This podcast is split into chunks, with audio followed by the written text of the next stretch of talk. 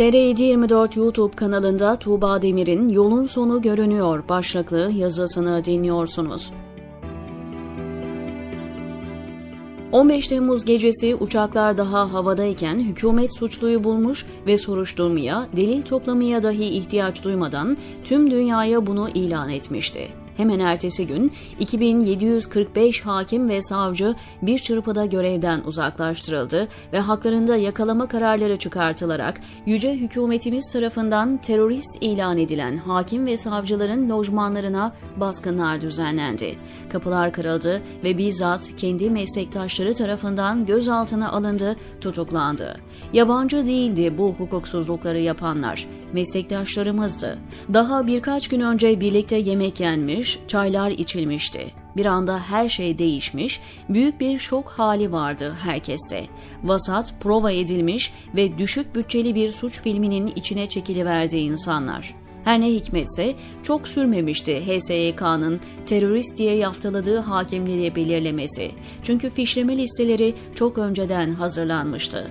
Nereden mi biliyorum? Meslektaşımın dosyama giren FETÖ'cü olduğunu düşünüyorum şeklindeki tanık ifadesinden. Çok fazla bir şey gerekmemişti bu insanlara. Sadece güçlü olanın yanında durup kendilerini kurtarmayı düşündüler. Başkalarının karartılan hayatları hiç önemli değildi. Bilenler bilir, basit bir işçi alacak dosyasında bile kafa patlatmanız gerekir. Uzun uzun okur tartışırsınız. Her dosyaya saatlerce çalışırsınız. Ne işçinin hakkını yedirmeli ne de patronun. Herkes en kısa sürede hakkını almalı. Bu yüzden özel hayatınız kalmaz. Dosyalar evlere taşınır. Hüküm verenlerin üçte ikisi cehennemliktir derler meslekte. Yani dikkat en üst seviyede olmalıdır. Sarraf titizliği gerekir başka yolu yoktur. Şimdi geçmişe bakınca şu anki yargılamalara ve bu millete reva görülenlere üzülmemek çok zor. Bunca yaşanandan sonra çok net olan bir şey var. Asıl darbe demokrasiye ve hukuka yapıldı. Hakkı korumak üzere yapılan kanunlar rafa kalktı. Hukuk maşa edilerek masum insanlar cezalandırıldı. Masum hakim ve savcılar da bundan nasibini aldı. Oysa Türkiye Cumhuriyet Anayasası'nda ve dahi evrensel hukukta hakim hakim ve savcılara bir teminat verilmişti.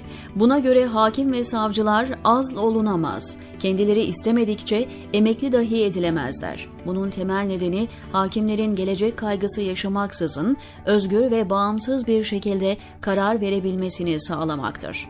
2802 sayılı Hakimler ve Savcılar Yasası'nın 94. maddesine göre hakim ve savcılar ancak ağır cezalık suçlarda, suçüstü hallerinde genel hükümlere göre yargılanabilir.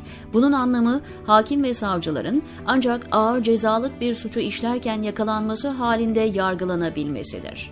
15 Temmuz darbe tiyatrosundan sonra anayasa ve yasalar rafa kalktı ve ortada bir suçüstü hali olmadığı halde bu iddiayla 5000'e yakın hakim ve savcı hakkında usulsüz olarak yargılama yolu açıldı. Aradan geçen bunca yıldan sonra büyük resme baktığımızda 15 Temmuz sonrasında işlenen bunca hukuksuzluğu bu hakimlere yaptıramayacağını çok iyi bilen hükümetin kendi içinde tutarlı davrandığını söylemek mümkün. Ancak her şeyin bir sonu olmalı. Her kışın bir baharı. Bahar ne kadar uzakta bilmem ama uzaktan uzağa çiçek kokularını duymaya başlıyor gibiyiz. Uzun sürdü bu kış. Herkes çok yoruldu ama sonunda kara göründü.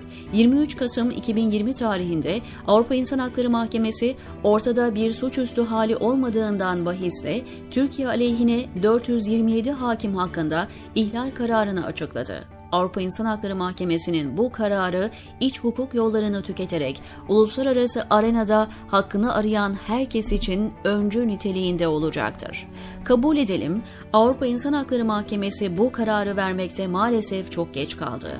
Yapılan hukuksuzlukların bu kadar geç karara bağlanması, zalimin iştahını daha da kabarttı, zulüm gitgide arttı ama yine de baharı müjdeledi. Yapılan mücadelenin boş olmadığını bizlere gösterdi. Bir listeyle terörist ilan edilenler Avrupa İnsan Hakları Mahkemesi'nin kararına ekli 427 kişilik bir başka listeyle haklı bulundu. Belli ki bu liste daha bir başlangıç. 2016'dan beri yine kimin canı yandı diye baktığımız listeler yerini bugün kimler iade oldu diye bakacağımız listelere bırakacak gibi.